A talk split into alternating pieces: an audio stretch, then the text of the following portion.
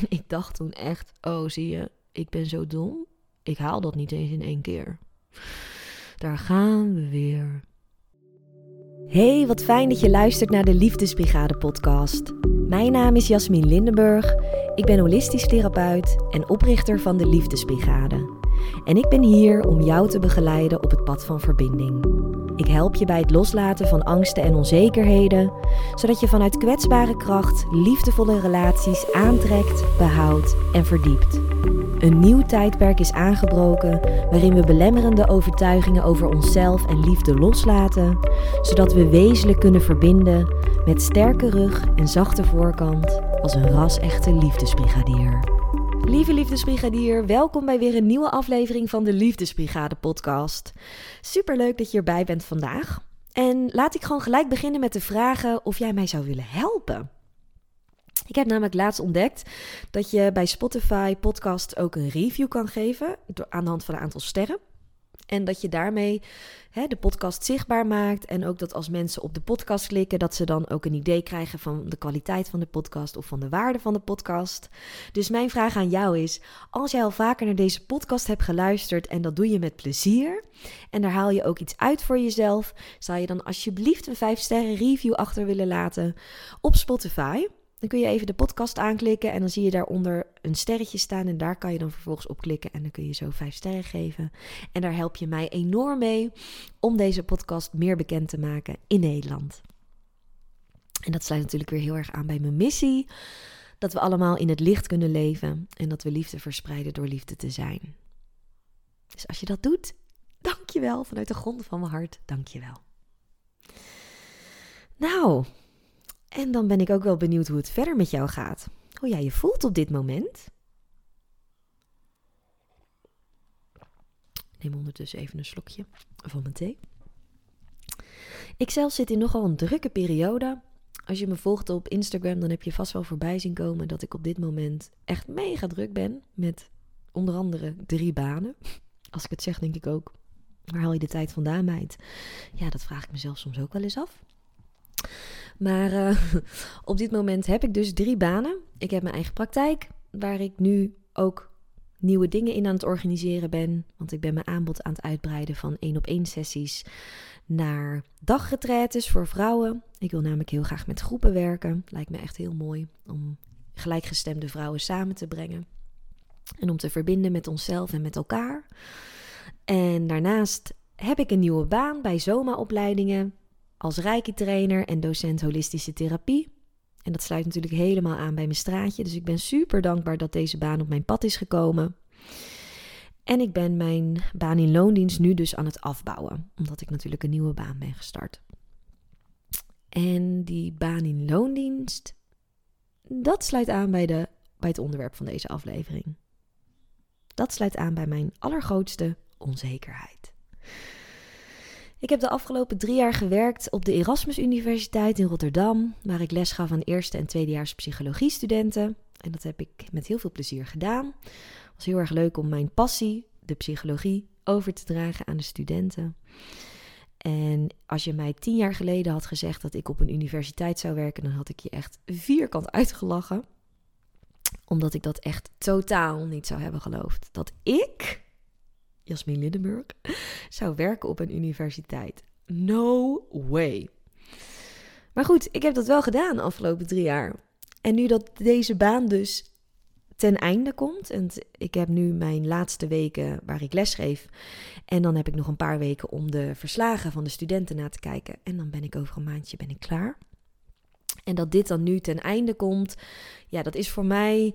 Het heeft voor mij een dubbele betekenis. En dat komt dus omdat mijn allergrootste onzekerheid hier mee te maken heeft.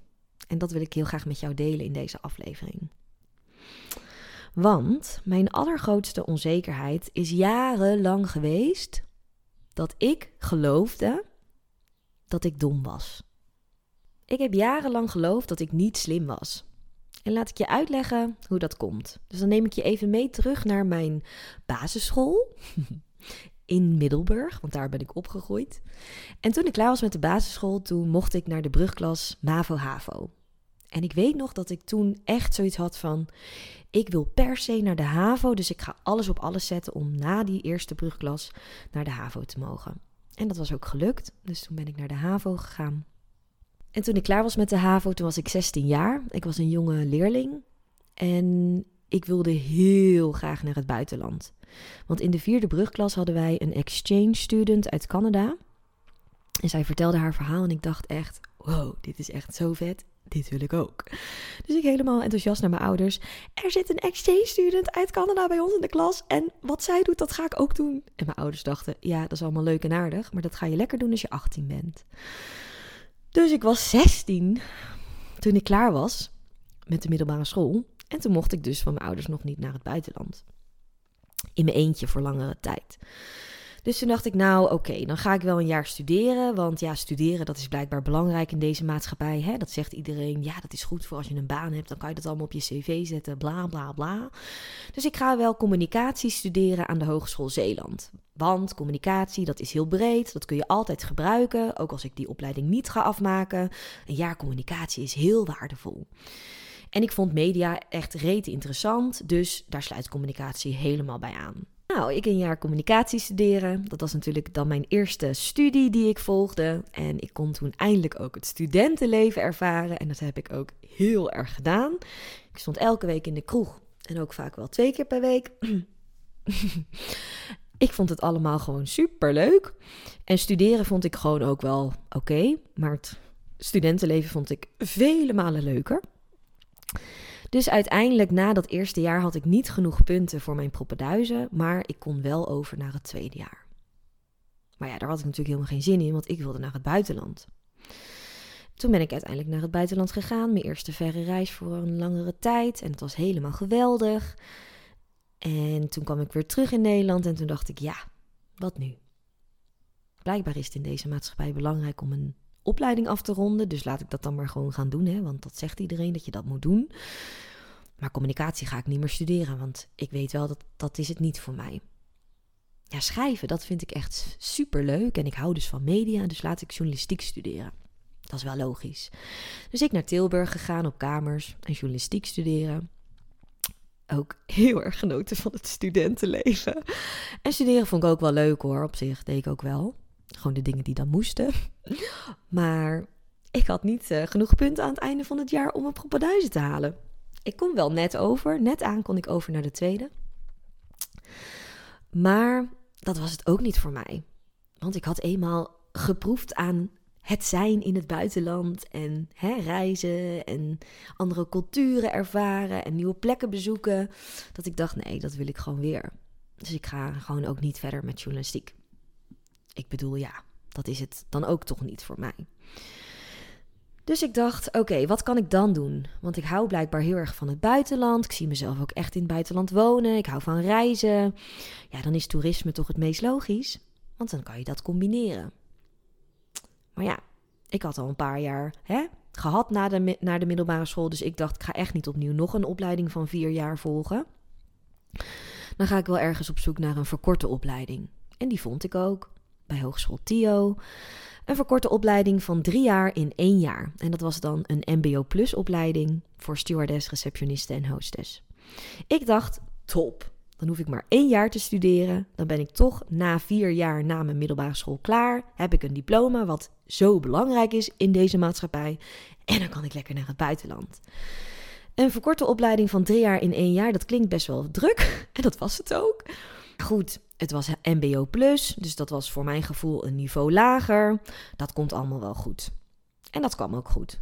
Ik heb die opleiding echt met vlag en wimpel gehaald. Dat ging allemaal heel mooi qua cijfers. En het was wel heel druk, maar dat, ik was heel tevreden met die cijfers. En uiteindelijk mijn diploma gehaald. En toen dacht ik, yes, nu kan ik lekker naar het buitenland. Dus toen uiteindelijk heb ik stage gelopen in Engeland. En toen daarna toen ben ik gaan backpacken in Australië voor, en Azië voor anderhalf jaar. En in die tijd was het zo dat al mijn vriendinnen van de HAVO en ook de vriendinnen die ik had ontmoet op de opleidingen daarna, dat die allemaal hun HBO hadden afgerond. En dat ze dan gingen doorstuderen, kozen ze een master op de universiteit, soms wel twee masters. En ik zag dat allemaal van de zijlijn en het enige wat ik dacht was: wow, iedereen lukt het wel? Om die HBO af te maken. Iedereen had wel zijn P. Iedereen had wel hè, die hele opleiding. En dan gaan ze ook nog naar de universiteit. Ik dacht echt bij universiteit dat daar echt de meest slimme personen ever zaten. En dat was ik totaal niet. Want ja, ik was iemand die kon niet eens eens haar P halen in het eerste jaar. Ik had niet eens genoeg punten om die proppenduizen te halen. En bij die tweede studie journalistiek kon ik maar net aan over naar de tweede. Nou, dat zou dan wel moeten betekenen dat ik echt niet slim ben. Ja, en ik heb dan wel een diploma gehaald, hè, MBO+, maar dat is voor mijn gevoel onder mijn niveau. Wat zegt dat dan? Dat zegt dan mij helemaal niks. Ik zag iedereen in mijn omgeving van HAVO naar HBO gaan en van HBO naar Master Universiteit. En in mijn ogen ging iedereen steeds een treetje omhoog en ging ik eigenlijk steeds een treetje omlaag. En als ik er nu zo naar kijk, dan denk ik daar totaal niet hetzelfde over als destijds. Want mij maakt het nu echt totaal niet uit wat voor opleiding je hebt gedaan, wat voor diploma's je hebt. I don't give a shit. Het gaat er mij om wat er in jouw hart zit wie jij wezenlijk bent. Hè? Niet je, het gaat me niet om je intellect. Het gaat mij erom wat er in jouw hart zit en wat je daarmee doet. Hoe je dat tot uiting brengt. Naar jezelf en naar de mensen om je heen. Maar goed, 10, 15 jaar geleden dacht ik nog helemaal niet zo. En dacht ik heel erg zoals dat de maatschappij denkt. Oké, blijkbaar is dat diploma heel belangrijk. Opleiding is heel belangrijk om dan een baan te vinden.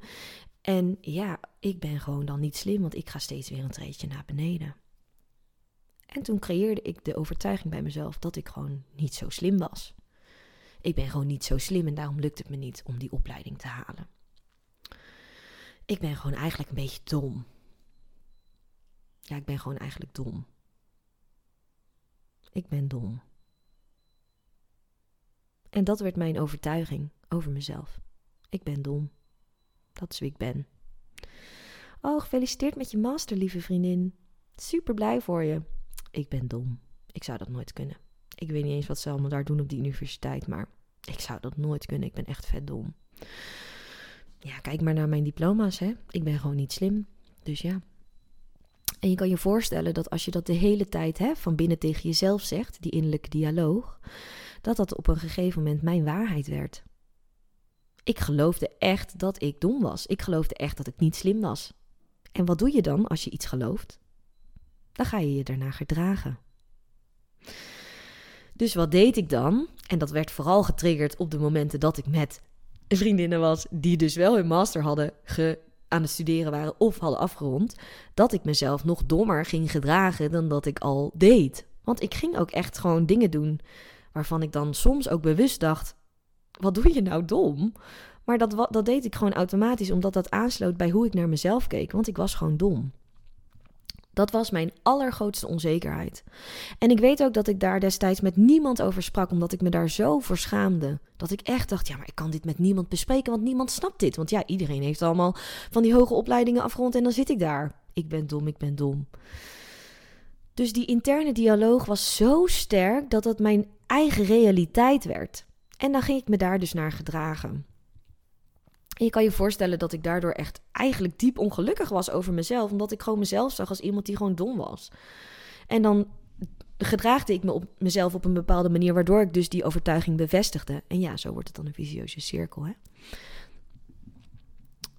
Nou goed, ik uiteindelijk dus naar het buitenland gegaan, naar Australië en Azië. Had ik echt een geweldige tijd, anderhalf jaar lang. Maar toen begon het aan de andere kant van die wereld toch wel te knagen. Ja, toerisme, die opleiding, is dat het dan? Ik weet het niet hoor. Als ik kijk naar het werk wat ik daarmee kan doen, daar word ik toch niet heel erg in gestimuleerd of uitgedaagd. Ik zoek eigenlijk toch wel iets wat beter bij me past en waar ik ook veel meer van mezelf in kwijt kan. Waarin ik dus wel die stimulatie en die uitdaging ook voel. Maar ja, moet ik dan gaan studeren? Ik ben vet dom ik kan toch niet weer gaan studeren? Mensen zien me al aankomen. Ik heb al drie opleidingen gedaan. Oké, ja, één heb ik dan wel een diploma van. Maar ja, dat zegt ook niet zoveel, dat diploma voor mij. Nou, dat weet ik zeker als ik nu dan weer een HBO zou gaan beginnen, dat ik dan dat ook niet ga halen. Want dat was die eerste twee keer ook niet gelukt. Want ja, ik ben toch niet slim, dus waarom zou ik dat dan gaan doen? Maar goed, wat het met je kan doen als je letterlijk van een afstand naar je eigen leven kijkt, vanuit Australië, terugkijken naar Nederland, was beseffen dat de psychologie toch wel meer was dan alleen een grote interesse en een hobby. Ik verslond echt psychologieboeken. Ik kocht altijd psychologie-tijdschriften. Ik was gewoon heel veel daarmee bezig. En ineens besefte ik, ja, volgens mij moet ik gewoon psychologie studeren. Maar ja, psychologie studeren. Ik weet het niet hoor, daar moet je wel heel slim voor zijn. Nou, uiteindelijk toen kwam ik weer terug in Nederland via een omweg in Frankrijk. En toen besloot ik, oké, ik ga het gewoon doen, psychologie studeren. En dat vertel ik nu heel makkelijk, maar er zijn toen echt wel uh, vijf of zes maanden overheen gegaan hoor. Voordat ik dat besloot, omdat ik dus heel erg bang was dat het me niet zou lukken. Ik was heel erg bang dat ik dan weer zou falen, omdat ik dus echt geloofde dat ik niet slim was en dan zou ik dat helemaal niet kunnen halen, die HBO. En ik was ook heel bang omdat ik dan een oudere student zou zijn, want ik was al wat ouder, dat ik dan ook geen aansluiting zou vinden bij mijn medestudenten. Dus ik dacht, ik weet het allemaal niet, ik weet het allemaal niet. Uiteindelijk toch psychologie gaan studeren, aan Hogeschool Leiden. En wat denk je? Ik had echt een mega gezellige klas. Was echt super leuk. En ik had gewoon mijn proppenduizen in één keer gehaald. En als ik er dan nu op terugkijk, dan krijg ik ook weer helemaal zo'n glimlach van binnen. Omdat, ja, als je toch de juiste studie hebt gevonden en het is het juiste moment voor jou, dan gaat het gewoon. Dan gaat het dus blijkbaar wel. En dat vond ik wel heel bijzonder om dus te merken. Dus daar begon al langzaam iets te veranderen in mijn overtuiging dat ik dom was. En ik merkte tijdens dat eerste jaar van toegepaste psychologie dat ik het heel gezellig vond, maar dat ik wel ook stimulatie en uitdaging miste. Ik merkte gewoon dat ik niet genoeg nieuws leerde, wat ik wel heel graag zou willen bij een studie. Dus toen besloot ik om mezelf aan te melden voor de universiteit. En ik weet nog dat ik destijds dacht: waarom ga je dat doen? Nou, omdat ik dus die prikkels wil, ik wil die stimulatie, ik wil die uitdaging. Maar ik vind die universiteit zo ver van mijn bedshow. Ik weet helemaal niet of ik dat wel kan, maar ik ga het toch maar gewoon doen. Ik ga me gewoon aanmelden. En bij de Universiteit Leiden heb je dan een Nederlandse bachelor psychologie en je hebt een internationale bachelor psychologie. En omdat ik altijd nog de overtuiging had, en dat heb ik eigenlijk ook nu nog steeds wel, dat ik ooit in het buitenland ga wonen voor een bepaalde tijd, of misschien wel onbepaalde tijd, you never know, dacht ik, ik ga gewoon lekker die internationale bachelor psychologie studeren. Dus ik ga me daarvoor aanmelden. En voor die internationale versie hadden ze een hadden ze plek voor volgens mij iets van 100, 110 studenten. In vergelijking met 600, 700 studenten voor de Nederlandse bachelor. Maar ik wilde per se die internationale. Dus ik zou mijn best moeten doen om ervoor te zorgen dat ik dus bij die 110 zou zitten. Nou, dan doe je dat toelatingsexamen. Ik was natuurlijk rete nerveus. En wat denk je? Ik zit niet bij die 110. Ik sta op de wachtlijst. En ik dacht toen echt: oh, zie je, ik ben zo dom. Ik haal dat niet eens in één keer. Daar gaan we weer. Dus zo diep zit dan zo'n onzekerheid, zo'n belemmerende overtuiging. Dat je ook elke keer weer op zoek gaat in je buitenwereld naar bevestiging van jouw eigen onzekerheid, van jouw eigen overtuiging. Je ziet eigenlijk niet bij jezelf wat er allemaal wel goed gaat, wat je eigen onzekerheid tegenspreekt, want ik sta wel op die wachtlijst. Er waren ook heel veel mensen die zich hadden aangemeld die niet eens op de wachtlijst kwamen. Dat zie ik dan niet. Ik zag alleen maar, zie je, ik ben dom. Ik haal niet eens eens in één keer dat ik in één keer word toegelaten. Nou, uiteindelijk, zo heeft het al moeten zijn, kwam ik uiteindelijk bij een van die 110 studenten terecht en was ik aangenomen op de universiteit. En mocht ik daar de internationale bachelor van psychologie gaan studeren. En ik herinner me nog zo goed de allereerste dag dat ik naar de universiteit liep in Leiden. Als je daar ook hebt gestudeerd, dan weet je over welk gebouw ik het heb. En het eerste wat ik dacht toen ik dat gebouw zag was: OMG. Wat is dit voor een intimiderend gebouw? Dat hele gebouw dat straalt gewoon intelligentie en slimheid af. Dat hele gebouw dat is gewoon zo intelligent wat fuck doe ik hier? Ik ben echt niet slim. Wat doe ik hier? Wat doe ik hier? Wat doe ik hier? Nou goed, natuurlijk zat er ergens wel diep van binnen een overtuiging dat ik het wel zou halen. Want anders dan zou ik mezelf nooit überhaupt hebben aangemeld. Maar echt, die eerste maanden waren zo'n grote innerlijke strijd. Iedereen op die opleiding, hè, het waren natuurlijk allemaal studenten uit het buitenland, die waren allemaal heel erg bezig met elkaar ontmoeten, elkaar leren kennen, verbinden. Leuk, laten we leuke dingen gaan doen. Heel erg op zoek naar die connectie met elkaar. En het enige wat ik de hele tijd dacht was: waarom zijn deze mensen zo slim? Dan hadden we een hoorcollege en dan stelden sommige studenten vragen. En dan zat ik alleen maar: waar heb je het over? Hoe kom je aan deze vraag überhaupt? Heb jij heel die boeken al gelezen? Wat, wat, wat, is, dit? wat is dit? Hoe kan jij dit al weten? Ik snapte niet eens die vragen, dacht ik. Ik weet niet of ik het snapte, maar ik dacht in ieder geval: ik snap, ik snap niks van dit. Ik snap niks. Ik ben echt niet slim. Ik snap dit allemaal niet. Waarom is iedereen zo slim? Ik snap dit allemaal niet. Elke dag was echt zo'n strijd. En elke dag was gewoon echt zo'n uitdaging om alleen maar naar die lessen en die colleges te gaan en om dat alleen maar al te volgen en helemaal uit te zitten. Dat was gewoon zo'n innerlijke strijd voor mij.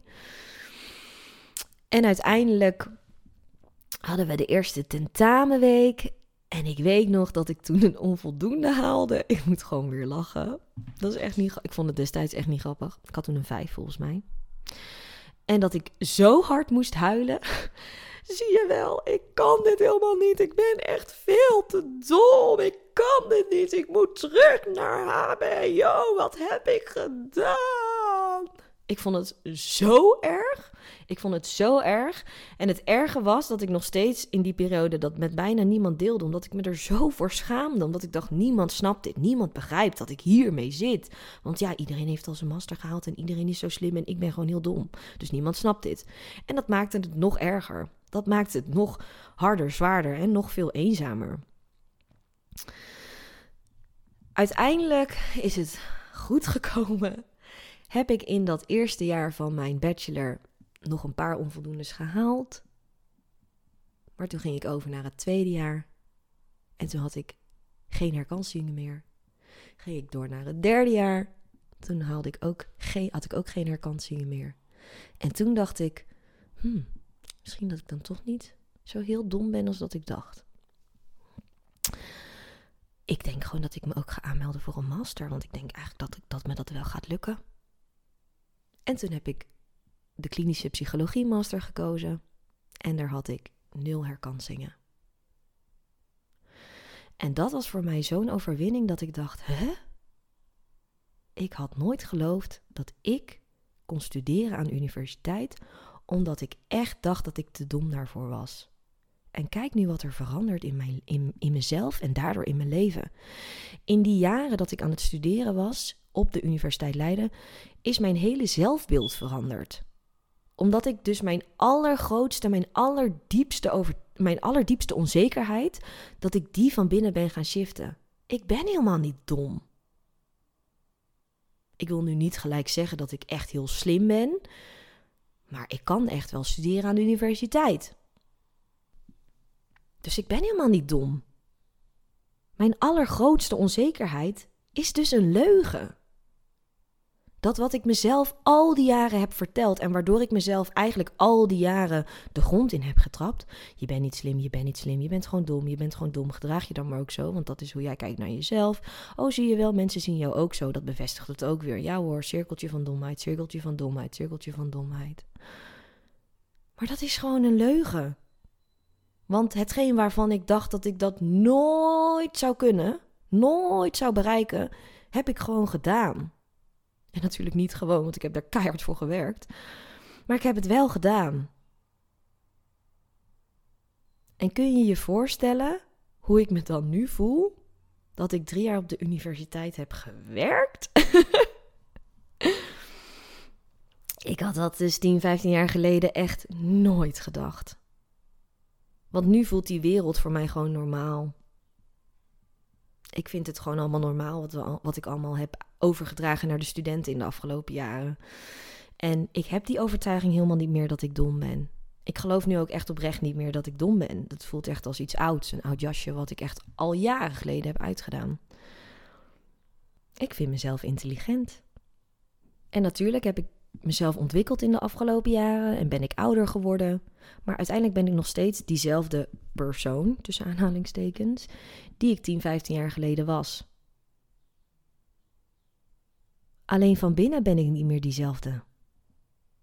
Want van binnen is mijn hele zelfbeeld en alle overtuigingen die ik over mezelf had, die is helemaal geshift naar iets positiefs. En dat is ook heel graag wat ik jou wil meegeven in deze aflevering. Wat is jouw allergrootste onzekerheid? En hoe weet jij 100%, 1000% zeker dat dat de waarheid is? Waar heb jij ooit jezelf aangeleerd, tussen aanhalingstekens, dat dit de waarheid is? Elke onzekerheid die je hebt over jezelf is in essentie niet meer dan een gedachte. Het is een gedachte die jij hebt over een kwaliteit of over een, een, een deel van jezelf. Het is wat jij gelooft over jezelf. En die gedachte heb jij zoveel kracht gegeven dat jij die gedachte bent gaan aanzien voor waarheid. En dat dat jouw realiteit is geworden. En wat doet een gedachte? Die geeft vervolgens een bepaalde emotie. En door die emotie ga jij je op een bepaalde manier gedragen. Dus als jij jouw grootste onzekerheid pakt en je gaat het zien als een gedachte, wat het ook echt is, het is een gedachte, dan ga je inzien dat door jezelf steeds die onzekerheid te herhalen, dat jij jezelf daarmee een ongemakkelijke emotie geeft. Schaamte in mijn geval, ook verdriet in mijn geval, ook wel angst in mijn geval. Misschien ook wel boosheid. Hè? Alle emoties die kunnen dan voortkomen uit die onzekerheid die jij hebt over jezelf. En door die emotie ga jij jezelf op een bepaalde manier gedragen.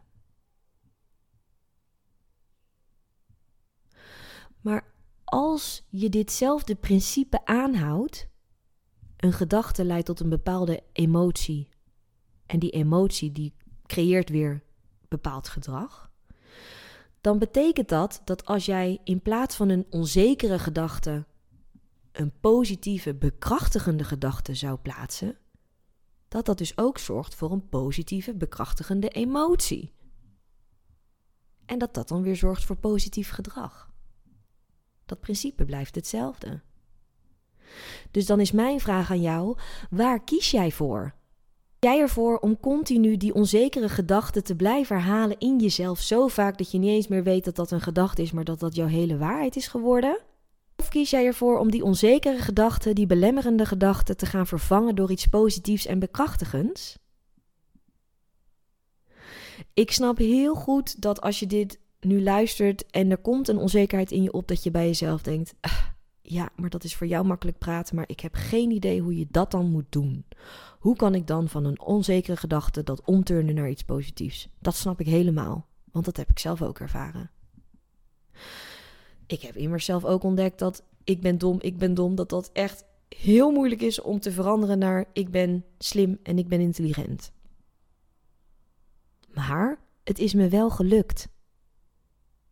En als het mij lukt, dan lukt het jou ook. Daar geloof ik echt heilig in. Want die gedachten, die zijn geen waarheid. Gedachten zijn slechts gedachten. Ze komen gewoon in je op en ze gaan ook gewoon weer weg. Je hoeft daar niks mee te doen. Je hoeft daar niet helemaal in te gaan zitten. Je hoeft er niet aan te gaan hangen. Je hoeft ze niet helemaal te internaliseren. Gedachten zijn slechts gedachten en ze zijn geen waarheid. Mijn allergrootste onzekerheid bleek dus een leugen. Het bleek geen waarheid te zijn. En ik weet duizend procent zeker dat hetzelfde geldt voor jou. Zo. Ik heb wel 28 minuten zitten vollullen, ontdek ik nu net. maar je merkt vast aan hoe ik praat dat ik hier gewoon zo gepassioneerd over ben. Want ja, ik geloof dit echt heilig. Ik vind zelf mindset echt totaal niet sexy. Het is totaal niet, niet aantrekkelijk, spiritueel, weet je wel, mindset, mm, ja. Maar het is wel gewoon waar. Het begint allemaal bij gedachten. Gedachten zijn ook energie. Wat jij uitzendt, dat trek je aan. Zend je negatieve gedachten uit, onzekere gedachten, belemmerende gedachten, trek je ook negatieve dingen aan. Zend je positieve gedachten uit hè, bekrachtigende, positieve, gelukmakende gedachten, trek je dat aan in je leven.